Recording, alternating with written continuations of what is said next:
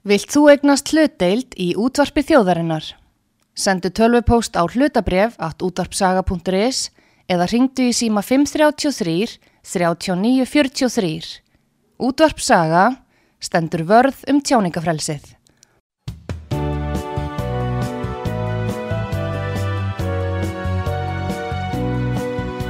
Sýteðis útvarpið á útvarpisögu í umsjón Arnþróðar Karlsdóttur.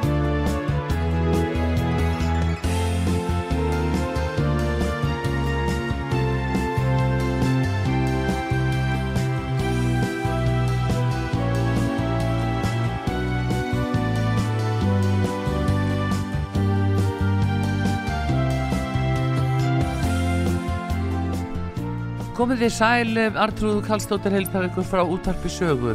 Frétti vikuna framundan og tveir góðu gestir sem að ætla að fara yfir það helsta sem að, að fyrir þeim likur. Það er Eyjólfur Ármarsson, alþingismadur frá Flokki Fólksins og Björn Levi, alþingismadur Pírata. Góðan dag og velkomnir herramenn. Góðan dag. Góðan daginn. Helstu málinn eh, þessa vikuna, það er allavegna eitt mál sem er búið að vera mjög ábyrjandi í umræðinu og í þinginu. Það eru mál inflytenda og þeirra sem hinga vilja koma. Hvað vil ég segja um þetta? Er þið eh, ekki sátti við svona nýjustu, já, nýjustu fregnir af dómsmálaráð þeirra skulum við segja?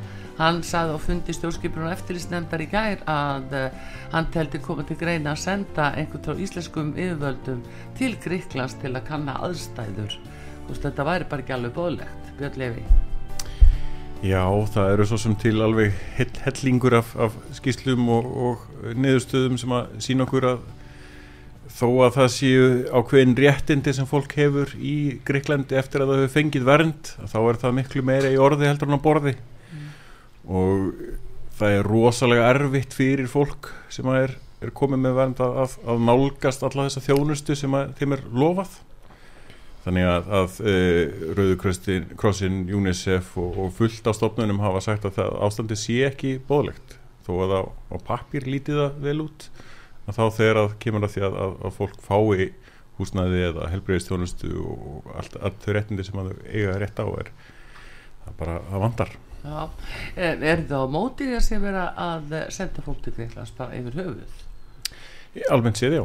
Almennt. Já, okkur, í miður nú en þetta aðstæður. Já, hvað segir þið núna uh, frá flokki fólksins segjálfur? Já, ég held að, já, hann, hann kom fyrir allsir á mentamálunemnd, dósmórraður, það var þar, ég sæti þeirri nefnd og hérna, já, það er sjálfsagt að kanna aðstæður þar í Gríklandi og við vorum, það er nú einn nefndamæður Birgir Þórænsson, þingmaður fyrir sjálfstæðarflokksins hann, er, hann, er í, hérna, hann var í Gríklandi og er góð, sambund þar ja. og hann er haldið fram að það séu aðstæði séu nægilega góðar. Og ég vil meina það að þetta er innan Európa-sambansins, þetta er hlutað ESB og ég veit að það er búið að bæta aðstæðar til mikill að muna. Mm -hmm. og Íslands stjórnvöld ber ekki ábyrð á ástandun í Gríklandi það er, það er alltaf stóra málið. Það er, er, er, er 103.000 flóttamenn í Greiklandi þetta er 10 miljónar samfélag. Og ég tel að ástæðan þessi umræðum um Greikland hvernig aðstæður í Greiklandi það, það sé bara umræðan sem við ættum ekkert að vera að taka við hefum frekar einbýta umræðan að því hvernig ástandi er hérna á Íslandi hvernig við hefum að framkama hlutina mm -hmm. og, og, og, og ég veit að það fallir dómur í mannrættandósturs Evrópu en ég, ég, ég skil hann að þá er þá að metja þetta hverju tilviki fyrir sig ég held að vandamáli varandi þennan brottfinding sem átti sér stað núna á dögunum Já. það var frekar framkvæmdin sérstaklega varandi þannig að fallaða einstakling sem var tekinu stólsínum og borin í bíl og fólk getur deilt um það hvort það hefur verið vanvirðandi ekki. Og, og það finnst með að vera svolítið svona stóra málin. Hvernig framkvæmdi var á þvingu, þvingu, þvingu brott, brottflutningi hér á landi. Já. en það breyti því ekki að þvingu brottfur er hluta ferlinu. Svo lengi sem fólki fengi réttláta málsmeðferð hér í sínu máli hún endar annarkort með því að það er samþitt umsóknum hæli um alþjóðlega vend eða ekki.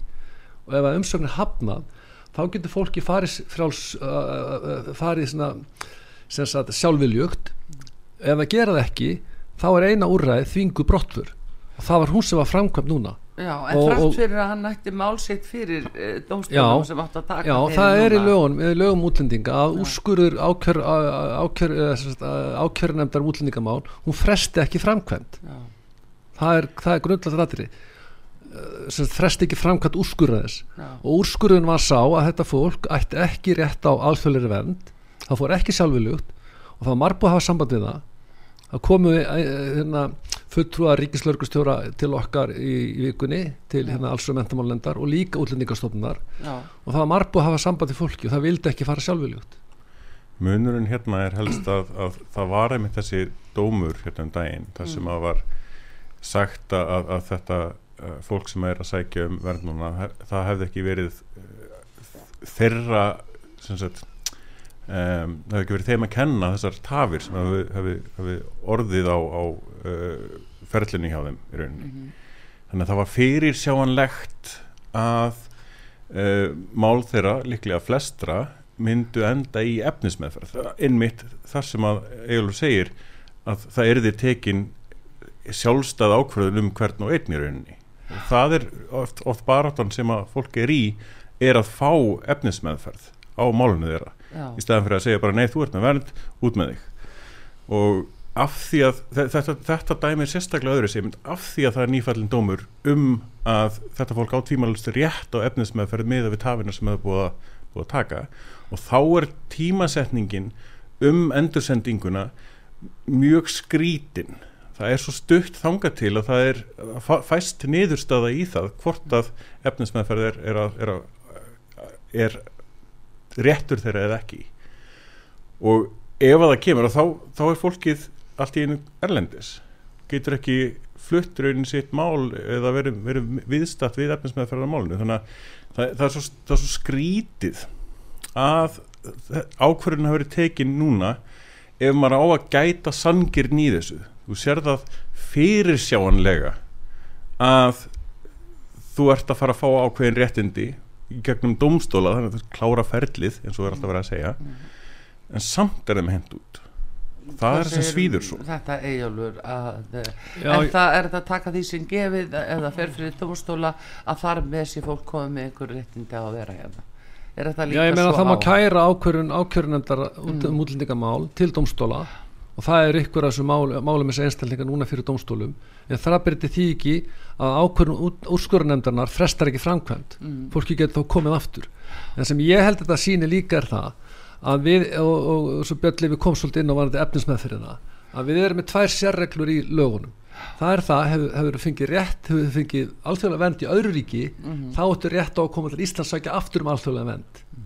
það er Íslands sérregla, það til ég ekki vera góð, góða reglu og við erum að afnema hana og hinn regluna það er svo að ef við verið lengur en 12 mánuð á Íslandi og ekki fengið fengi meðferð hennar mála mm. að þá ertu alltaf átomatiska rétt á efnismeðferð þó að sé bara form, formsatrið En það er aðhald sagt, eh, regla gagmalt stjórnvöldum því að áður en þessi regla var sett að þá voru stjórnvöld bara með hangandi hendi ekkert að afgreða neinar umsóknir Já, og, og fólk var að mm. býða þetta í 2-3 ár þannig að þetta var krafa á stjórnmöld um að haga hlutunum hraðar Já. heldur en þú voru búin að að gera það bara um, um, um, fjölda starfsmanna það, kalla allir eftir því að, mm. að sagt, það komi niðurstaði í málinn hratt líka Já. fólki sem er að uh, sækja umvernd það sjálfsögur það er reglan sko er til að setja press á stjórnmöld til klárið málinn innan 12 mánuða mm. en það hefur ekki gengið greinlega en ég tel að breyta engum máli ef að, að einstaklingur sem búin að býða lengur úr tól mánuði og hann á ekki rétt að efnismæðferð að þá, þá er ég að afgræða án efnismæðar eftir tól mánuði. Það er, það er mín, mín skoðun vegna að það skiptir engum máli að vera að setja einstaklingi efnismæðferð sem er raunveru látt ekki að fara í efnismæðferðið upphafi. Það er ránt og annað varðandi þetta með að það getur, getur komið hérna, þú komið alþjóðlega vend núna er tilgangur flóttamanna þess að laga mm. til að uppfylla skilir flóttamanna samningssaminu þjóðana um að veita fólki sem er fyrir ofsóknum raukstutum hefur raukstuttar uh, eh, ástæðu fyrir því að það séu, eh, séu undir ofsóknum þetta pólitíska skoðan og, og kynferðis og kynhegar og allt þetta að, það var rétt og alltfálega vend mm. en ert búin að fá alltfálega vend í öðru ríki að þá getur þú komið til Íslands svo aftur um það er búið að veita að verða einu sinni mm. og, og annað, fólki sem er til dæmis komið alltfálega vend í öðru ríki það getur komið innan senginsvæðisins sóttun dvalarleif á Íslandi einstaklingu sem hefur fengið alþjóðalvendu Gríkland, í Gríklandi til dæmis hann getur komið hérna sótt und valalefi og með þessi aðdunlefi líka. Þannig að það er verið að íþingja ferlinu þess að ferlinu þar sem er verið að afgræða umsóknur um alþjóðlega vend með þessu. En það er alveg klartmála, ég tel að, og það er núna vera breytinga til á þessum lögum sem er svona vera að gröita í þessum tveim reglu Já. ég get ekki lesa annað úr því en að ríkisvöldnaflokkarnir hafi ekki komið sér saman um að afnema þessar sérreglur. Og það er breytinga sem ég tel ekki til bóta. Já, þú meina það Björnlefi, ert þú samanlega þessu? Já sko, stjórnvöld eru alltaf íþinga sjálfum sér með því að, að, hérna, að, að gera þetta svona. Mm -hmm. það er hægt að gera þetta alltaf öðru svo miklu skilvirkari háturauninni með því að hérna, með því að bara segja, já, herru, þú ert með vernd. Uh, já, ég getur alveg fengið vernd hérna og það líka, það er búið að kvitta þann einstakling sem að hann þurfi vernd. Og á því rauninni í hvaða landi það er. Uh, verndin er gangvart náttúrulega uppurna ríki hans en svo lendum við einmitt í því að, í löndum eins og Greiklandi að þar er verndin miklu meira bara í orði heldur en á borði. Mm -hmm. þannig að fólk sér sig knúið til þess að, að, að leita eftir já, alvöru vernd þá og, og þess vegna er, er krafan ef, ef þetta fólk verður að koma frá Þýskalandi það er enginn hvert að vera að senda það alltaf en erum við þá ekki með komin aftur að þessum aðbúnaði í Gríklandi sem varsta, við byrjum á að tala um ja, ég er ósamála þessu. Ég tel að einstaklingur í Gríklandi hann er að sjálfsögðu komið að alþjóðlu vernd gagvat ofsóknum of, þeim ofsóknum sem hann sem er fyrir flýja, sem er að flýja og er fyrir mm. heimalandi sínu.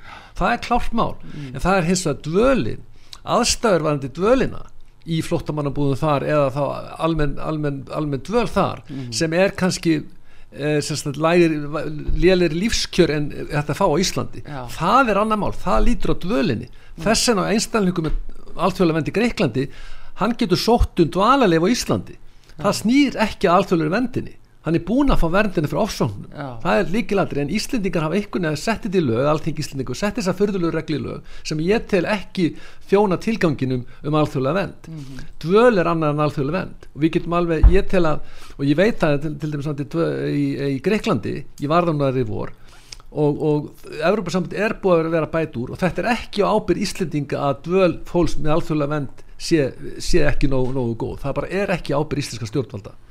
En það er samt á ábyrð Íslendinga þegar að kemur einhver yngur og bankar upp á og segir hérna ég, ég þarf á verðin að halda. Það, ég tek smá svona líkingu við það eins og ef við mætum niður á bráðamáttöku í, í landsbytalanum segjast að veik að þá tekur helbriðiskerfið á móti e, þeim aðlum og sendir þá í viðegandi úrræði. Þó að það komi hundrað þó að það komi þúsund mm -hmm. það fá allir þá þjónustu sem þeir eiga rétt á og því er bara alveg eins og í kórnaverufaraldunum fólk bara kom veikt og því var, því, það fekk það, það þjónustin sem að þurfti á að halda óháð álæginu en sjáðu Björnli við eins og en þetta er nákvæmlega sömu réttindi. Um, var þetta þeir eru að koma á grundvelli dvalarleifis þeir eru konum með vendi í Greiklandi koma svo hinga á grundvelli dvalarleifis nei þeir eru að sækja um aftur um alþjóðlega vend hér á Íslandi. Þeir eru komið um alþjóðlega vend þeir eru að sækja aftur um alþjóðlega vend á Íslandi. Já. það er þessi íslenska sérregla sem ég botni ekki í. Þau vilja fá tvær alþjóðlega vendar að Ísland, Ísland er að bjóða fólki sem er með alþjóðlega vend í öðru ríki mm -hmm. að fá aftur alþjóðlega vend á Íslandi. Það sýnir hversu reglverki er það er galið raunvel á Íslandi til ég Ég, mér finnst ekki vola gali við það þegar að, að fólk fær uh, vernd innan uh, þessara hvar sem er runni eða geti farið til hvaða annars land sem Já. er bara þetta aðeins, aðeins svona það... mannúð í því að fólk Já. geti síðan valið, valið sér hvar það býr Já en þá snýst þetta svolítið um það að bara þegar fólk er búið að koma, komast frá þessu hættu ástandi sem það er að flýja en þá hvað er í bóði í Já, það sækir það bara um dvalarleifi sko, einstælkum með alþjóðlega vernd í öðru ríki, eina senginsvæðinsins hann getur komið og sótt um dvalarleifi á Íslandi. Já, en, en það er alltaf náma það er rosalega flótið fyrir einstaklingar sem er ekki runni ættaðir eða, eða með ríkisborgarétt innan ESV-sins eða komið utan frá þess þá er það bara rosalega flókið. Nákvæmlega, það er nefnilega regla núna að þú getur sótt um alþjóðlega vend á Íslandi verandi með alþjóðlega vend í öðru ríki á grundvildi tengsla. Ég til miklu skynsalera Já, mann og svona með það ég til miklu skynsalera að segja það frekar. Heyrðu, fólki með alþjóðlega vend í öðru ríki það getur sótt um dvaleleifi á grundvildi tengsla Á. það er miklu skynnsalir í laust mm -hmm. það bæði léttu á kjörfinu umsörnum alþjóðlega vernd og, gerum, og, og, og þá getur, er það bara alltaf forsendur sem fólk er að koma á Já, þá þarf ekki fara að skoða ofsóknar í heimalandinu eitthvað, eitthvað svoleiðis Nei, en er það ekki mitt eiginlega sko, bara í samræmi við fjórfrelsið og EES jú, jú, að það getur ráð fyrir tengslum og að mann getur komið á þeim fórsendum þar sem ég er að segja einhverja það að þessi regla, mín skoðan þessi sérregla er ekki að vera, ég er búin að fært rauk fyrir því, þar sem ég til hins vegar gera fólki sem að kemur ynga og fær alþjóðlega vernd þá að gera vel við það fólk. Mm. og þá að reyna aðlaða íslensku samfélagis vel og hægt er. Já. og ég ger miklar aftöðsöndi við hverdi til dæmis varandi brottflutning, þingu brottfl, uh, brottfur er, er framkvæmt og það er við til dæmis með að setja fólk sem er þingari brottfur í gæsluvarðarsfangir sem á holmseði mm. það er algjörlega óasættanlegt og ég spurði með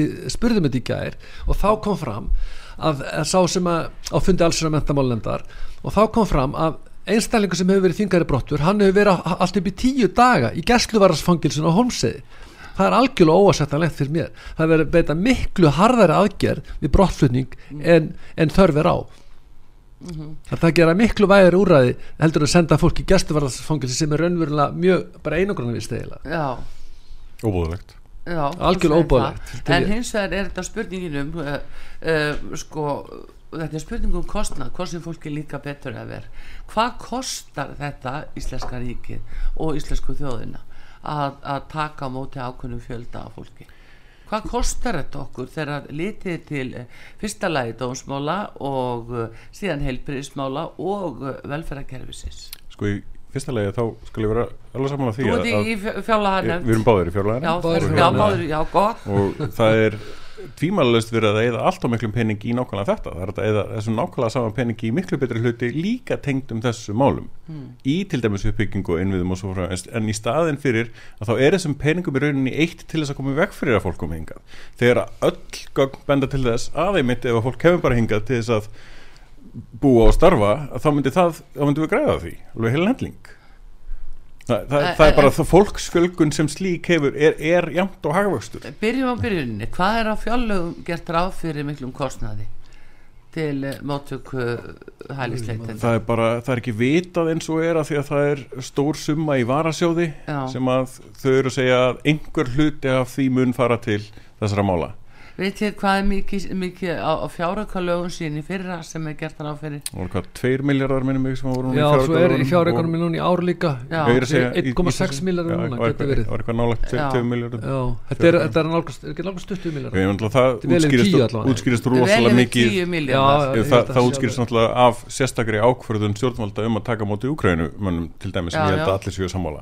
Jú, það er svolítið sérmála en það er ekkert sérmála lang, lang, langstæðstir hlutur ná þessu 60% af, af þeim sem er að koma hérna. Og Venezuela önnur hvað, 20% eða eitthvað þýlin eh, mann ekki alveg, alveg tölunar þar en, en sem sagt þarna er mjög áhugaverðið hlutur varandi mitt fólki frá Úkrænu og það er tekið inn á annari grein í útlendingalöfunum að það er verri vernd, verri minni rétt heldur en þess að fá alþjóðlega vernd. Já og við vorum með að berast yfir því að, að fólk sem var að koma hérna frá Ókrænu geti bara farið og sóttum vinnu og, og bara starfað og, og búið hérna til dæmis til, a, til að hjálpa við í skólum og ímislegt svoleiðis vegna krakkana sem er að koma með, með þeim Já.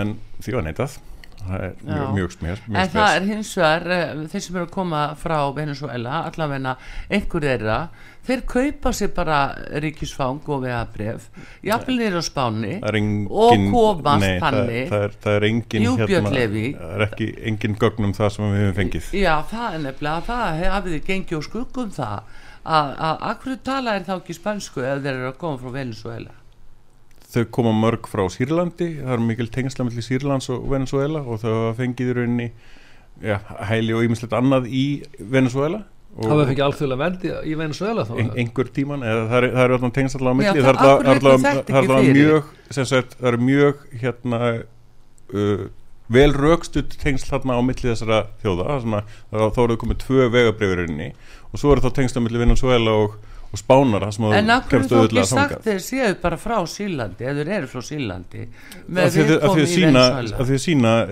Venezuelst hérna, vegabref sem að það eru engin rauk fyrir því sem að hafa komið fram. Ertu viss? Já þetta sé alveg full, fullkomlega lögulegt sko bara til að byrja með það, ég er með skriflega fyrirspurt mm. til um það að hérna, hver kostnærin er við flottamannakerra á Íslandi. Já. ég kan bara senda þið svarið því þið fæða það. Er alveg sundu lið að AB seti alveg verið HG sko. Þannig að það verður mjög frólt að fá varandi kostnæðin Akkur er svona mikið pukur út af þessum kostnæði af því þetta er ekki bara ja, e ekki pukur út af þessum kostnæði þetta er bara í fjárlugum og sést, sést bara mjög vel og skiptu greina Ég var alltaf náttúrulega eftir að fá þetta kosta sundu liðan Ég fengi það áður í fjárluganemnd og lang, lang, lang kostnæði fyrir til sveitarfélagana -hmm. fyrir til sveitarfélagana já, já. en hvað með framfæslu þetta kost, kostnaður hérna sér innan það er 8 áskall á, á viku. 8 áskall á viku. Og finnst fólki það þá bóðleitt þá fólk að lifa 8 áskall á viku? Það er rosalega lítið. af dag fyrir já. Sko þetta er jafnvel sama fólki er að leita hér á, á, til hjálparstofnana er í byrjum fyrir utan uh, fjölskylduhjálp Íslands. Mm -hmm. í stóru stíl Það íþingir kerfinu hjá okkur íþingi þáttarkar hjálp okkur. Og annað það sem er málega þetta varðandi flottamann og alþjóðlega menn við getum ekki, við tökum ekki á móti fólki sem býr við fátakt í öðrum ríkjum.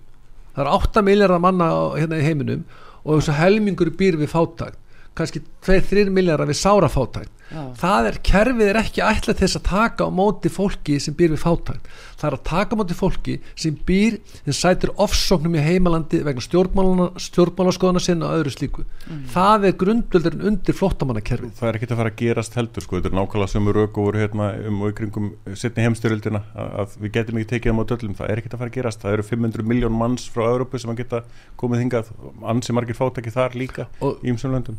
Og kannski ef maður bæta þess við líka þetta mm -hmm varandi, sko, ef það skortur af vinnuafli þá er flóttamannakerfi okkar ekki, ekki kerfi til að uppfylla vinnuaflstörf á Íslandi. Það bara er það ekki. Við, búum, við erum í EES-samningnum og það er frálsför vinnuafls innan EES-samningsin og við hefum bara lítið á það allt öðruvísi. Ef að ef okkur skorti vinna að fá þá, þá kemur bara fólk að sækja um vinnu í ES-svæðinu bara fær vinnu eða þá við fáum eitthvað gott fólk utan ES-svæðinu sem til vinnu hérna en það breytir því ekki eins og í Úkrænu fólki, Úkrænu menninir maður verður ekki að segja fólk núna að þá er það þannig að ég til, til dæmis það og ég fengi fyrirspunnir um það utan að að það getur til dæmis ekki starfa sjálfstætt það til er mjög bálegt þetta er kannski duglegt og efnilegt fólk vil kannski starta sín eigin rekstur eitthvað slíkt, prófa sér áfram með það. Það getur ekki gert það, það getur einungis verið launþegi Þess, þess vegna, þess Þa, það skil ég reynilega ekki og það er til að vera mjög slæmt. hvað er það ekki kentölu hérna þess, jú en þú getur ekki sko, allan, getur, það er takmarka þú getur ekki fengið vasknúmer og byrja að prófa það áfram með eigin rekstur sem er mjög mikið af því að innflindur er, er gríðalug drivkraftur í innflindu þeir eru að koma sér áfram já, já. og það heftir þetta fólk. Og ég, ég fengi ítrekka fyrirspunnum þetta og ég, ég hef áhuga að vera með ég er bara ekki tíma til þess að vera með þingmál hvað þetta varðar fólk eh, úr öllum áttum og við ættum að sjálfsögða að taka bara á þessu eins og hvert, um hvern mann er rauninni ríkisborgara í Já, sagt, ekki, á, á, ES, á ES svæðinu þegar búið að fá vernd í einu ES landi eða Európa svæðinu það ætti það bara að vera undir fjórfælsum Nú eru náttúrulega líka bara með sem kemur til að vinna og stendur sér frábælega vel Ef við verðum að líta á þetta þannig nákvæmlega, ef við verðum að líta á þetta þannig þá er þetta bara í sömu af því að það er svo miklar takmarkanir. Ég held að staðan sé raun og veru þannig að nokkur af rík ríkur, ríkari ríkjónum hérna innan Evropu er einfallega að borga uh, eh, Greiklandi og Tyrklandi til dæmis til þess að hleypa fólki ekki þaðan út sem að kemur, að, kemur þangað vegna landamæranáðar Európa-sambandi hefur síðan 2015 borgat Tyrklandi miljardar evra á hverju ári já, og þeir eru með flottamannambúðir sérstaklega í söðu-östu Tyrklandi frá fólk frá Sýrlandi til að fólki sé, fólki sé ekki að streyma svo að Evrópa-sambandið og Evrópa lendi ekki sömu bylgju og átti sér stað 2015 mm. mm. þegar Þískaland tók á móti,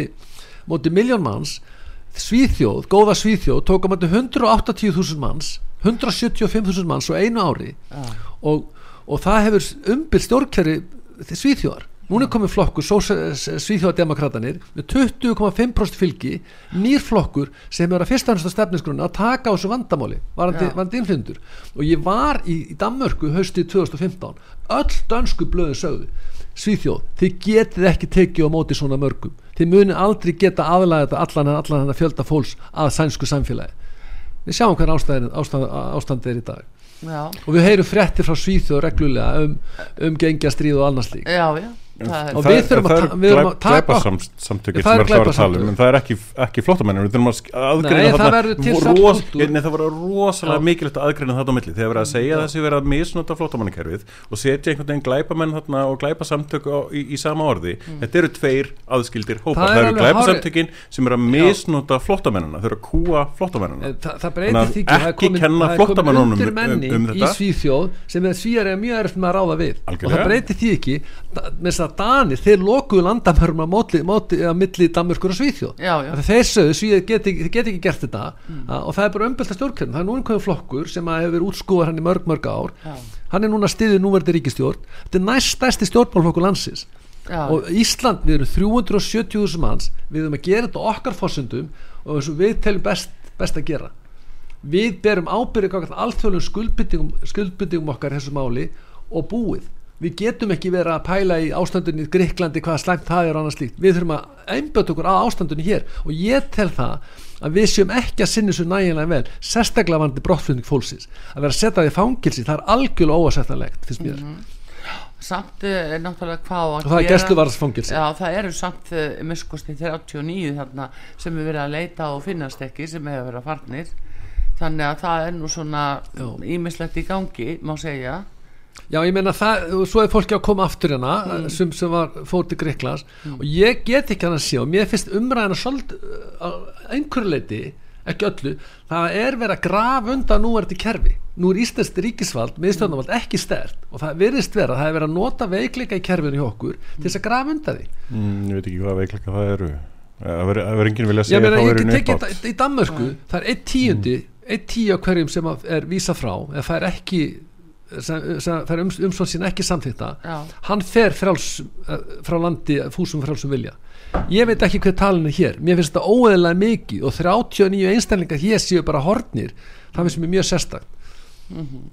Það er nú, það er nú þannig. Hvað fel, felur það í sig? Jú, felur það í sig, það ætlar ekki að fara lögum og reglum í landinu hérna. það hefur ekki landvistalefið og Íslands stjórnvöld ráða því hver er á íslensku yfirráðsvæði svo einfalt er það bara. en það eru held ég flestir af nákvæmlega þessum að býða einmitt eftir neðustu hjá dómi sko, sem að alltaf að segja klárum ferlið. Já. en ég, það er ekki búið. Nei, ég, og ég, ég, veit, ég veit að það er inn í þessu sem sagt að frestar ekki réttar áhrifum og það er beinlínis notaðurinn til þess að koma veg fyrir að fólk geti leita réttar síns það eru ákvæðarna sem að væri búið að reyna á fyrir dómi já. ef það væri fólk hérna til þess að láta reyna á það en það er alltaf farið já. alltaf búið að henda því út, þannig að það er ekki hægt En ef það er þessi 39 sem að, að, að finnast ekki núna eh, ef að þeir eru að býða eftir að mál þeirra sé tekið fyrir dómi og þeirra er tekið þá er þeir náttúrulega bara handteknir í andirinu í hérastómi ég meina það eru lög í landinu sem Já. segja það að úrskurur ákjörnefndar um útlendingamál mm. fresti ekki réttar á þau, þó kæra það áfram þá berðir að fara strax úr landi það eru rétt lög í landinu Já. og það verist vera að hópa fólksina sé að vannverða það og sé að vera gaggrína, gaggrína það að það, það sé þvingu brottur þvingu, ég spurði það þessi í Nóri alls eru að mentamálulegnd, fór til Oslo og Kaupmannhafnar, ég spurði sérstaklega þessu samtökum sem fylgjast með réttundum flóttamanna er, er það móti þvingari brottur? Nei við erum ekki á mótið þingari brottur svo lengi sem er fólki það réttláta málsmeðferð við umsóknir sínar. Mm -hmm. og það verist verið umræðinu að það sé hópur fólksinn á mótið þingari brottur þvingu brottur er hluta af kerfin ég er ekki sammálað því. fólk, fólk er ekki ósammálað þingari brottur almennt séð en það fer eftir því í hvaða samhengi það er. Ég lesi umræðan að þannig að stóru hluta til. það er í öllum tilveikum þar sem það, það sem það er bent á greinileg, greinilegar brotalæmir í því hvernig þingværi brottfjörður er framfyllt þá verður fólk nextað af því. Já, en, en það eru fullt af fleiri þinguðum brottförum sem enginn er að kvarta yfir. en Björli, fólk verður að fara um landi. og þar getur verið bæði sko réttmætt og rauninni rángmætt uh, þingu brottför. Að, að mínum að þá er fólk á móti þessum þunguðu brotturinn sem fólki finnst vera óréttmættar þegar verið að senda út börn eða þungaða konur eða fallað einstaklinga ekki búið að taka tillit til allra, allra efninsættrið en koma til dæmis það eru börn sem eiga hlutamáli.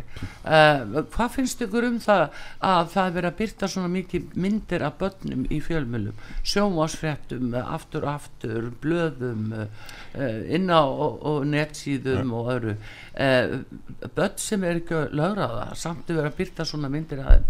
Og þau er svo jafnvel að vera hér og taka þátt í þjófélaginu verða alltaf stimplu bara barnasáttmálin, bara góður í þessu. Nei, minna, akkur er verið að byrta svo mikið myndir af börnum? Hvað finnst ykkur um það? hvað með persónulega? ekkert að því þessu tilverði ég veit ekki hvað, hvað ég skal segja. Ég hef ekki bara sagt það til dæmis varandi en að falla einstakling. Já. það segir bara í 15. grein sáttmála saminu þjóðana um réttindi fallasfólks mm. þá verður að sína, þá má ekki sína því vanvirðingu. Ah, og það er grundaldræð, þá er spurningi var það gert í þessu tilviki?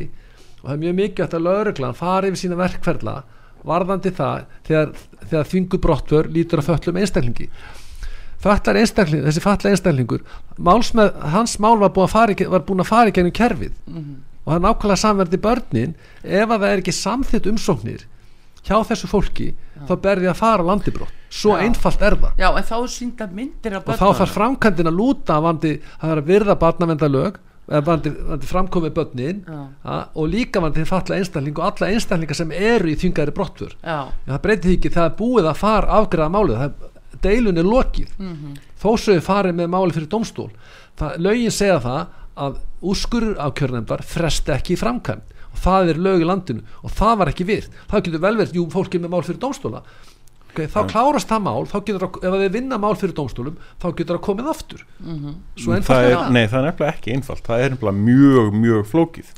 Ég meina, ert þú að móti ert þú að móti, sko, ég hef ekki sín eina breytingatillu frá ykkur pýrutum um það að, að úrskurður uh, kærunemnda fresti ekki réttan áhrifum það var örgulega hluti af uppröðunlega ferlinu sem við vorum á móti já, já, ég meina, ég, ég, ég er með frumarfún í gangi já. og ég, ég er þetta vonast til þess, ég hef búin að uh, vinna af því, tala fyrir því að allir flokkar af þingi náðu samkumlaði um um breytingar á útlendingalöfum Já, uh, Björn Levi, þú talaður áðan um uh, glæpahópa og þú segir að, að, að uh, glæpahópar þeir nýti sér -hmm. jafnvel hælisleitundur og flótamenn sem hinga að koma Já. Segðu okkur meira um það hvernig þú sér það Dæmi um það þegar að, að þau mynd finna bara fólk á flóta taka af þeim skilriki og hóta sagt, ættmennum sem eru í heimalandinu hérna runni gegn því að borgarferðið kannski flugmið á þess, þess áttar mm. og svo mætuðu bara til þeirra og hemta allan peningi sem þau fá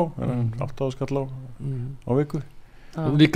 heilengi og, og hótaði mitt segi, skildmennum í heimalandinu ef, mm. ef þau ger, reyna að gera eitthvað á mótið því þannig að það er bara kúin í gangi og það, þá var, þá var þessi, þetta flóta fólk var komin í tvövaldan eið Nú kom fram í skýslu Ríkislauglustjóra frá 2019 allavega að uh, það væru mafíu, ellenda glæpa mafíu starfandi hérna á Íslandi mhm. -huh. hvað segir um það?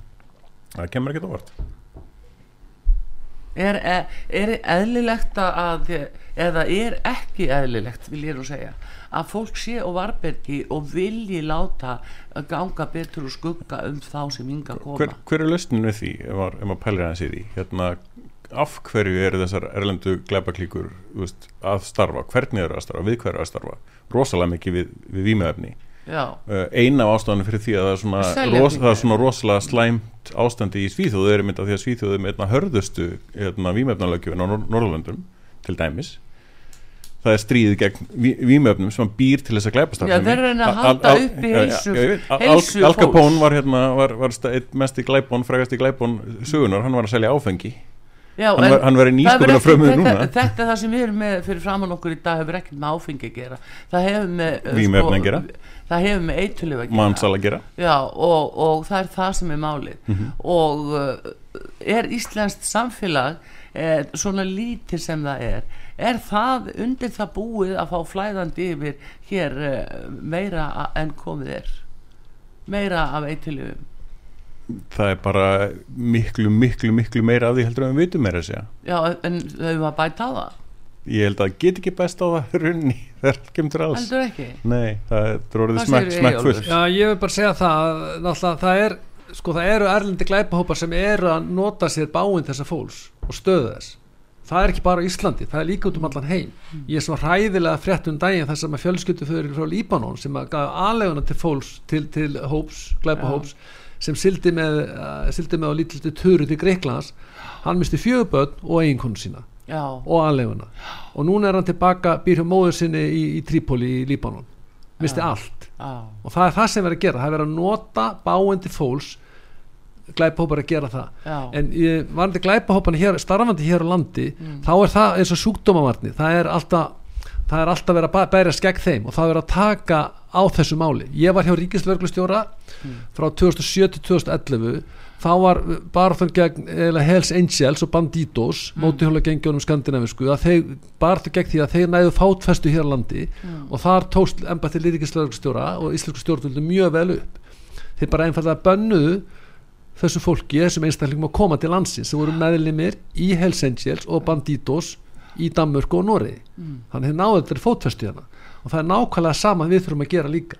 Við hefum að banna taka þessu máli að fullum krafti og það er náttúrulega lauruglum mál og ég vil taka þetta með glæbangingin náttúrulega út fyrir út fyrir þetta varði meðþörra umsóknum með alþjóðlega venn mm. að sjálfsög eru umsóknir þar sem eru afasamar og það eru glæbað með þar á bakvi það þarf bara að rannsaka það eins og, eins og þessi máli er rannsökuð í, í, í útlendingarstofnun Já, það getur verið einhverja annar Já, það getur vel það getur verið annar, annar baki til dæmis einstaklega með barn sem mann á ekki af því að það eru betri, það er auðveldar fyrir börn að komast inn í landið Já. og fá, fá meðferð umsóknir sinna þar börn sem hefur rænt eða? Já við vitum það ekki. Það har að sanna það náttúrulega að foreldrar séu foreldrarnir og skilrikið þurfa að vera lægi og annað slíkt. En það er bara, það er stjórnsýslu með fyrir málsins. Já. og varandi glæpagengi í landinu auðvitað þurfum að taka því það er bara ógnvísli samfélag. Og það er sérstaklega mikið lókn hversu við erum fá. Já. og varandi hérna fíknefnanótkun annað slíkt ég tel að, tel að hérna, við búum í príðilega lögjöf varandi áfengi og líka fíknefni og, og hérna við höfum til dæmis sérstaklega með áfengi og það tekist mjög vel upp varandi þar varandi drikkjúlinga og annað slikt og, og það er til dæmis miklu minna stigma gegn áfengisíki hér inn í öðru ríkjum Já. til dæmis í Skandinavíu það er miklu fólk, miklu opnar fyrir að segja að það sé alkoholisti hafa fyrir S.A.A. og verið með þér það er úti í Norið til dæmis, þetta er litið niður á þetta Já. fólk er ekki að flíka þessu í fjölmjölu með að tala um þetta mikið. Sko, en, sko, átt okkur á því að sko að núverendi výmjöfnalaugjöf býr til núverendi ástand. Þannig að ef þú segir að núverendi ástand og núverendi výmjöfnalaugjöf er bara fín þá erum við að sjá samt sem sagt uh, alltaf öll þau výmjöfni og alltaf all glæpastar sem í kringum að uh, þau výmjöfni sem eru nú til þegar þetta stáðar ég er ekki fylgjandi því að lögulega fíknefni, ég er bara ekki fylgjandi því. Ég er bara Nei, en það er líka annað þetta er samt orsök aflegging sko. Það er náttúrulega ósættanlegt að uh, þeirra menn fremja glæpi og segjast það að veri vitið sínu fjær af því að þeirra hafi verið svo hérna yfir dópaðir að þeir ekki vita hvað þeir gerðu. Við hljótum Byrju, þegar þú segir að fólk fremur glæp Já, fremur þá fremur það glæp Já, ekki satt? jú. og hvað máli skiptir það hafi verið í þannig ástandi. það, það hafi verið í vímu og Já. það veit ég hvað hafi gert. Alveg eins og með áfengið þá er það aldrei, aldrei, aldrei afsökun. ekki blanda því alltaf saman. Við erum að tala um það til þetta til þú, viðbóta þú ert að blanda því saman. Ég, ég er að reyna að átta mig á, á samlegar áhrifunum. Já, ég er að segja það að, að við erum að sjá það í allt og mörgum málum að menn eiga, eða ætlast til að fá afsökun að fyrir glæpi sína að þeir hafa verið svo dópaðir ég hef aldrei séð það virka. Þú voru aldrei séð það virka? Nei, nei. fólk var ekki afsökun fyrir því að hafa ekki undir áhrifum áfengist nei, en, en nei. að því voru, voru fullir. Nei. þú bara ábyrða görðinu já, já, en þetta er bara að færast svo í aukana og ef þetta er gefið frjálst þá verður þetta helmikið verra og sjáu því umferðina þessi umræðum þessi umræðum er löglega fíknefni það er um það að færa þetta frá refsilögum yfir, þetta sé, þetta sé ekki hegningamál eða refsimál, heldur þetta sé svona heilsufarsspörsmál. Alveg sem áfengið, nákvæmlega eins Ja, það er lögulegt fíknefni það var ólögulegt einu sinni og það var, var glæpast þessum í kring, kringum það. Við vitum alveg hvernig það var. það, saman, það voru bannlög hérna.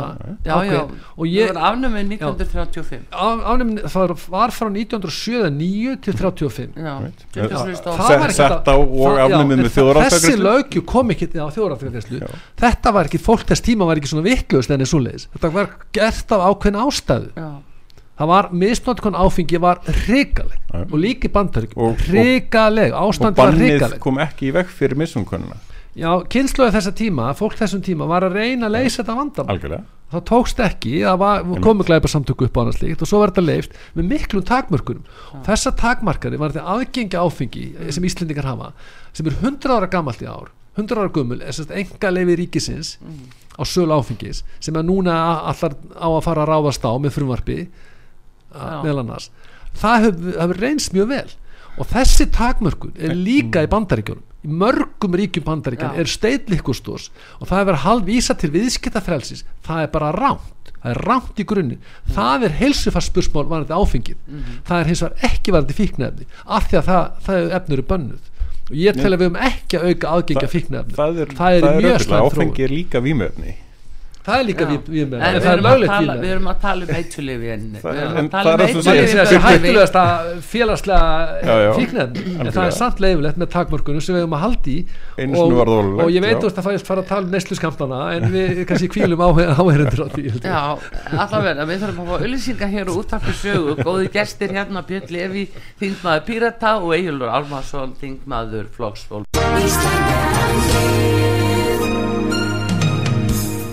Styrtareikningur útvarpsögu í Íslandsbanka á Granda. Útubú 513, höfubók 26, reikningur 2.11.11. Nánari upplýsingar á útvarpsaga.is. Takk fyrir stöðningin. Við komum aftur þetta skammastundu og áfram með frétti vikunar.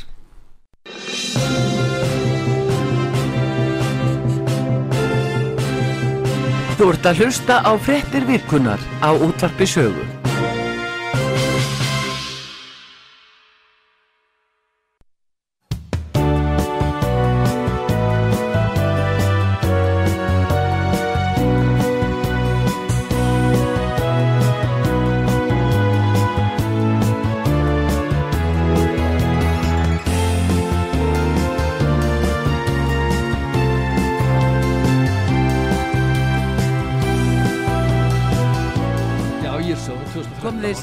Aftur fyrir að hlusta á frettir vikunar og útvarpi sögu.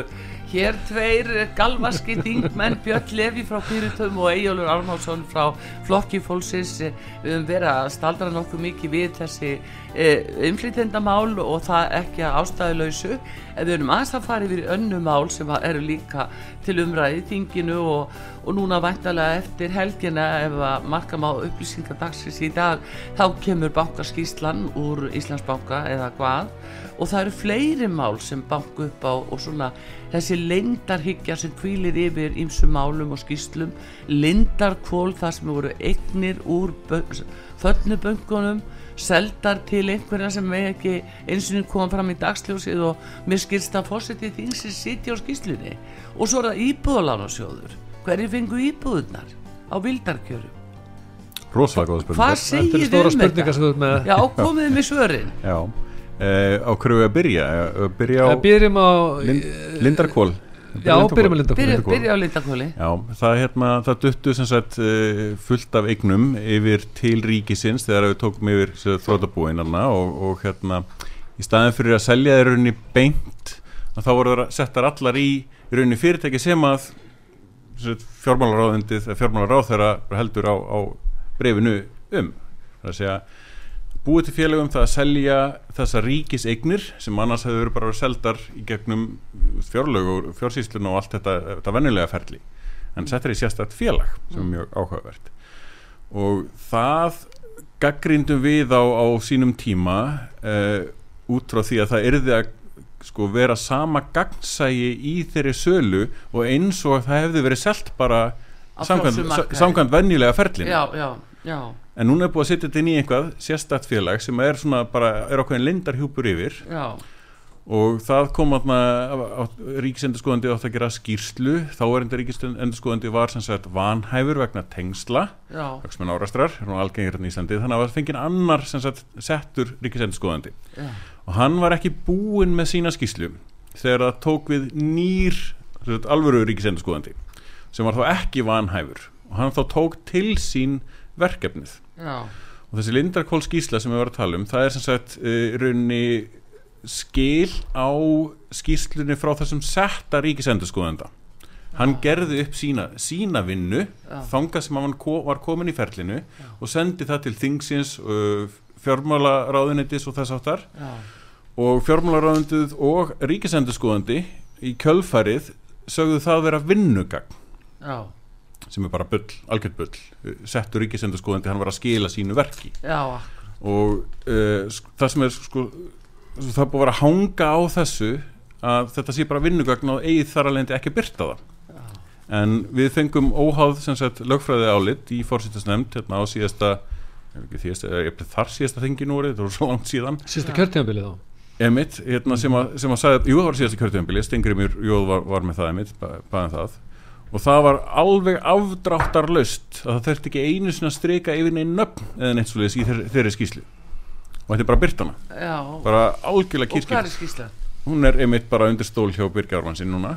Sko, og ástæðan fyrir því rauninni að það er engin rauk fyrir því að byrta hann ekki er að því að allar þessar sölur er rauninni aðgengilegar í þinglýsingum Já, sem eru bara ofnmjörg gögn. Já, ef að fólk vissi hverju það ætti að leita þá geti rauninni borgað fyrir og sapnað þessu þá geti það, geti það náð þessu öllu sjálf það, það er hægt já. en það er bara gríðilega mikil vinna þannig að sjálfsögðu bara á að byrta skíslun sem að tekur þetta allt saman. Þannig að það, það er engin ástæði fyrir að byrta ekki þessa skíslu og við fáum bara þvaður frá fórsetta alþingis sem að, já, Hvað segir þú, Egilur? Ég segi það að Hvað myndi gerast í Nóri ef að stofningi myndi gera sko, svona? Já, það er náttúrulega það, það sem þarf að gera varðandi mm. þar eignið sem Íbóðlánursjóður fekk í hruninu í fangið mm. og þegar þeir voru að selja þær það þarf að upplýsa fyrsta leið hverju kiftu þar Já og það er þinglis gögnum það það, það er ekki að bera fyrir sér persónuvendar ástöða þar. Nei. það er ekki að það gera, persónuvendarlegin virkar ekki. Eins og þau eru mikið nótu til að til að koma með fyrir að fólk sé upplýst í dag. Já. ég vona að vinna með sér lög í fjögur ár. Þetta er ekki viðskipta upplýsingar þetta er ekki viðskipta upplýsingar, þetta er þinglistar upplýsingar. Mm -hmm. og annað, það er miklu almanna hagsmunni fyrir því að þessi upplýst hverju keftu líka að sapna þessu saman. Og það er líka, í öðru lagi, það er líka að liggja fyrir hvert vermat var, var hjá ríkinu þeir seldu þessum einstælingum íbúðunar ja. hvernig var, áttu söluferðli sér stað? Ja. þetta þarf að upplýsa, sérstaklega verðmati var verið að selja undirverði og þá afhverju ja. og það er hefðis að snýst um. Og það líka að ríki skildi gera þetta. Ég mann, ég mann, það er mörg á síðan skoða, það er lög frá 2012 þá var eitthvað Bjarg sem keipti hellinga íbúðum? Já.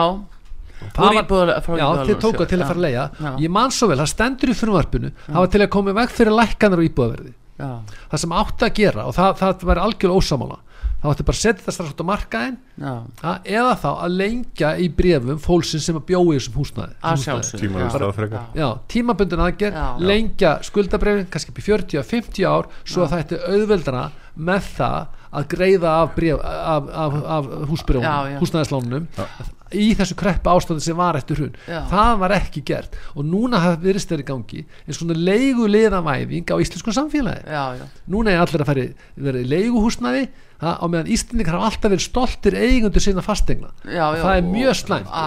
Þetta, þetta var það sem við barðumst fyrir á þingi emitt og Jón Þór uh, Ólafsson einna mest sko að, að komið vekk fyrir þessar nöðungasölur því þetta spila núna alveg inn í til dæmis íelsjóð, málinn sem er að ganga núna já. að það, hann er gæltrót upp á einhverju hundruð, hundruð miljardar Ríkja á minni egnir núna. út af því að þetta var þá selta á, á svona, svona kostakjörum og spila líka inn í leiðrættingarmálið sem að Já. fullt af fólki fekk leiðrættingu sem að þurfti ekkit að því að halda eins og við komum frem í greiningum. Og, og meðal annars var það það fólk sem að þurfti ekki að halda sem fekk leiðrættinguna af því að allir hinn okkur bara missa íbúðina. Já ef að, ef að það fólk hefði ennþá verið í og fengið til þess lengt úræði eða eitthvað þýðinlík, þá hefði það fengið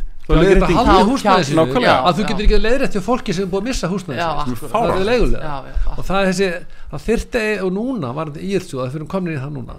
Það er risa mál og það er líka það, eignarliðin út af því að ríki losa sér allar eigninar með þessum hætti selda til leigufélag, staðin fyrir að lengi skuldabrjóðun til dæmis og leiða fólkinu að halda íbúðunum, þá hefur eignarsam í og verið mjög sterkara það hefur haldið skuldabrjóðum sem fólki verið að borga. Já, en aðtöfaðu eigalur, það er sko það voru 4300 íbúður sem að íbúðulána sjóður uh, let fara á nöðarsölu mm.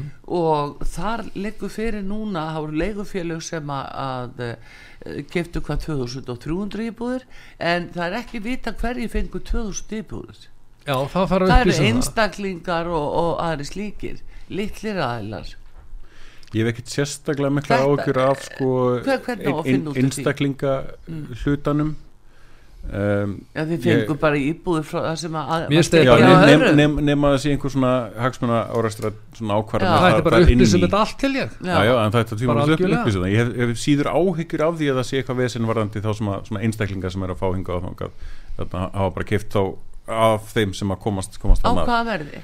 Já, það, það er alltaf spurning já, líka, já, já, já tímalist en, en það þarf ekki endilega því að sé eitthvað eh, svona, einhver ólíkt af því fyrir þá alla, frekar heldur þá sem er að kaupa einhverjum líklega auka kjörum fleiri íbúður Já, í einu já, það er líka líka 20 íbúður þú, þú býr bara einni íbúð að hverjum tíma en þú ert að kaupa 20 íbúður þá ertu alltaf komin út í business já, já, það er alltaf snýstum það snýstum að verðmatið á hvað fórsett var að vera að selja þessi íbúður og 4300 íbúður er ekkert smára í íslensku samfélagi. Nei.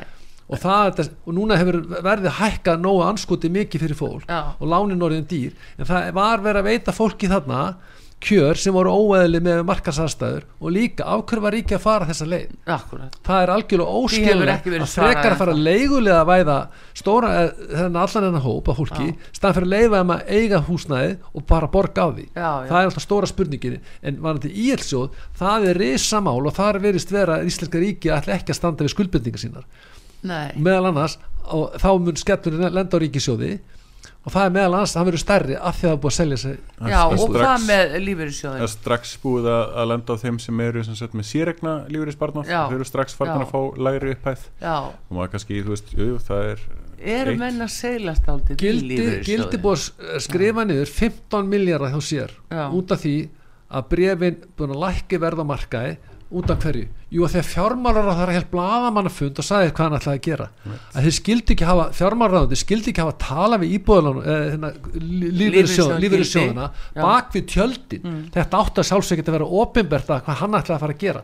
Hann er raunverulega að segja fjármálar á þeirra ég ætla að verða óreðumöður ríkið mun líklega ekki standa við skuldbendingasang sínar sangat ríkis ábyrg ja. það fyrir fjölmjöla þá hríðlækka náttúrulega brefin á marka þetta er bref sem er að ganga að kaupa á sölum með ríkis ábyrg og ríki hefur, með ríkis ábyrg og ríki hefur alltaf staðið við skuldbendingasang ríkis ábyrgin ja, myndir þú lána lána ríkinu á þessum forsendum? Ekki með við þetta? Myndir þú lána mig til 40 ára svo mm. kem ég eftir 15 sena eða ég ætla bara að hafa þetta 20 ár. Já. Má það sem gerist 2004 var það að Íslenska ríkið mm. festi sig í, í lánakjörum sem voru mjög léleg 3,75% vextir mm. verðtrygt mm.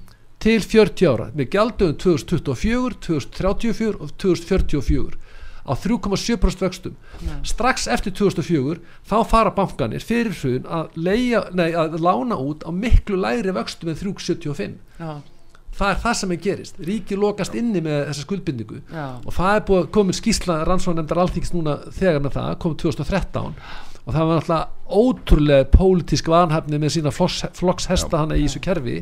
En það er búið spil, núna þurfum við að taka á þessu máli núna.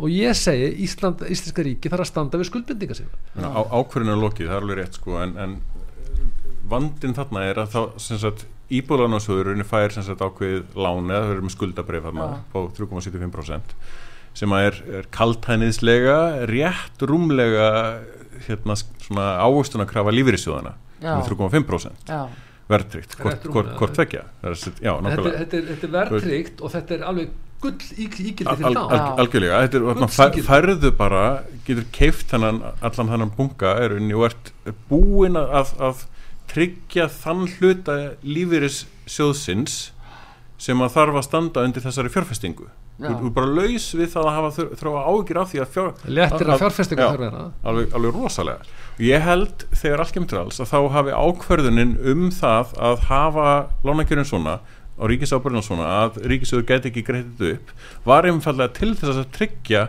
þennan hluta lífriðsjóðskerfisins hjá, hjá lífriðsjóðunum á þessari fjármögnum til 2004 Já, það var sko, Deutsche Bank sáum með það útbóð mm.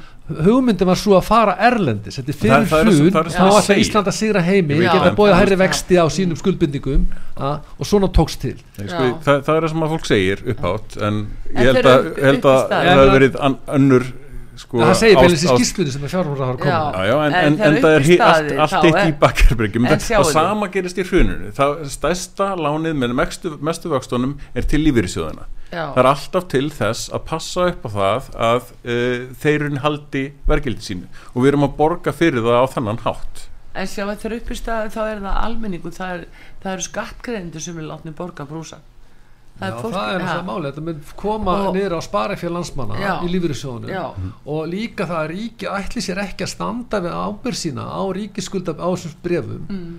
það er, mér finnst alveg með ólíkjundum og ég held að mun hafa áhrif á lánshæfni íslenska ríkisins til framtíðar. Mm. og það mun þýða það að það mun lækka. Þá kemur álag á ríkisskuldabref Erlendi lánvendur munu ekki líða það að Íslenska ríki standi ekki við skuldbendinga sína það mun hækka áherstunum á, á skuldi ríkisins mun að hækka. Ég myndi það ekki fara að lána nei, nei, þeir, þeir hugsa með tvísar þegar allt kemur til alls þá er þetta ákveðin siðfyrirspurning eh, sem sagt þegar að, að ríkið fer út í þessa vegferð og lofar því að, að sagt, uh, greiða aftur 2044 síðast að ef um vennjulegt lán var að ræða þá væru allir sáttir við það að þú erði borgað fyrr hérna er allir höfustóttun og allir áfæðni vextir og, og gjör það sveli búin, búin að ganga frá láninni þegar þú kaupir hús á láni mm. til 40 ára eða allt innu vinnur í lottóinu og ég ætla bara að borga veist, allt lánum mitt eða allt námslánum mitt minnst eitthvað sliðist þú þessi 20 ára eftir að láninu það er alltaf ánæð með það. Lánastofnunin þú og allt svo leiðis en, en, en það er einmitt málið. Í engin, þessu nei. er sérstaklega sagt og þú veist, all, all, allir framtíðar vextir líka og það er munum sem er, er, er umfram þetta sko, að, að lífyrirsöðunum er að reikna með framtíðar vöxtunum og það var það sem að vera að vera að svína á. Ef að Íslandika ríki setur lög og allar slíta þessum skuldabriðum, það er að segja að láta gera það upp og, og, og svíkja lífyrirsöðuna um framtíða ávöxtun og framtíða greiðslur, þá verður það farið í skadabóndamál við Íslandska ríki fyrir Íslandskunum domstólum verður kert upp að hæstarétt og ef að hæstaréttu dæmi þeim ekki vil þá munir þeir kæra til Strasburgar en það er egnar eftir ákvæði sem er reynda svolítið veikt, það er fyrsta við okkar fyrstu greinar þar. Og ef að mannréttadómslu Evrópu fyrir að lítur á það að ábyrra skuldabrifi sé ekki gild þá er það ákvæði hand ónýtt í mannréttasáttmála Evrópu þetta gæti enda út í Strasburg og ég spái því að þar munir minnstakosti lífið í sögni eiga mjög góða möguleika að vinna. Akkurat, uh, nú bara tíma okkar búin en mér langar samt í lókin að spyrja ykkur að því að það nú framöndan jólamánuðurinn og það að það hefur verið talað um jóla mánuður er það. Já, einmitt, hvað mánuður er það? Jólamánuður mánuður í jólamánuðin þetta fer að byrja. En allavega nei að þið inn á þinginu það er umræðum að, að fá jólabónus fyrir eh, öryrkja og jafnvel aldraða eða hvernig sem það algjörlega, við erum komið breytinga til þeir eru komið til hjá flokki fólksins. Eh, er einhver hins vegar hægt á því að það verði farið í það að skerða fólk út á kostnæði vegna innflytendum Björnlefi Nei. Þú ert í fjölaða nefnd, þú lofar að svo er ekki. Það er tvent ólíkt sko. Já, það, það kemur ekki til greina. Nei, mín. Engin umræðan um það? Það, það kemur ekki til greina. En hefur við verið umræðan um það? Nei. Ég, ég tel ekki, ég tel þessi óskild mál og ég uh, tók eftir því gæra formað fjárlanemdar mm að hérna, Bjarki Olsson Gunnarsdóttir að hún tók undir til floss fólksins um jólabónusin bæði til örykja og til aldraða mm -hmm. og ég vonast til þess að núna samþykju við þennan jólabónus til bæði örykja og aldraða í fyrra var það einingis örykjar mm. og ég get ekki sé annað þessi þing með hluti fyrir því að gera Já. það en ég, með, með vinstu grænum Allavega, góða fréttir Já, ég er ekki að lofa hennu en Nei. það er allavega við munum berjast alveg til síðasta manns í flokki fólksins fyrir því að að þetta mál náði fram, fram að ganga. og þið verður samanlagt gott að heyra. Heyrðu, góða fréttir minnskosti þarna. En uh, gaman að fá ykkur alltaf og bestu þakki fyrir komin á út að sögu Björn Levi frá Pírutum og Egilur Almarsson frá Flokki Fórsins Artrúð Kallstótti þakkar þeim kjallaði fyrir komina takk til maður Daví Jónsson verið þér sæl. Takk kjallaði Takk, takk, takk.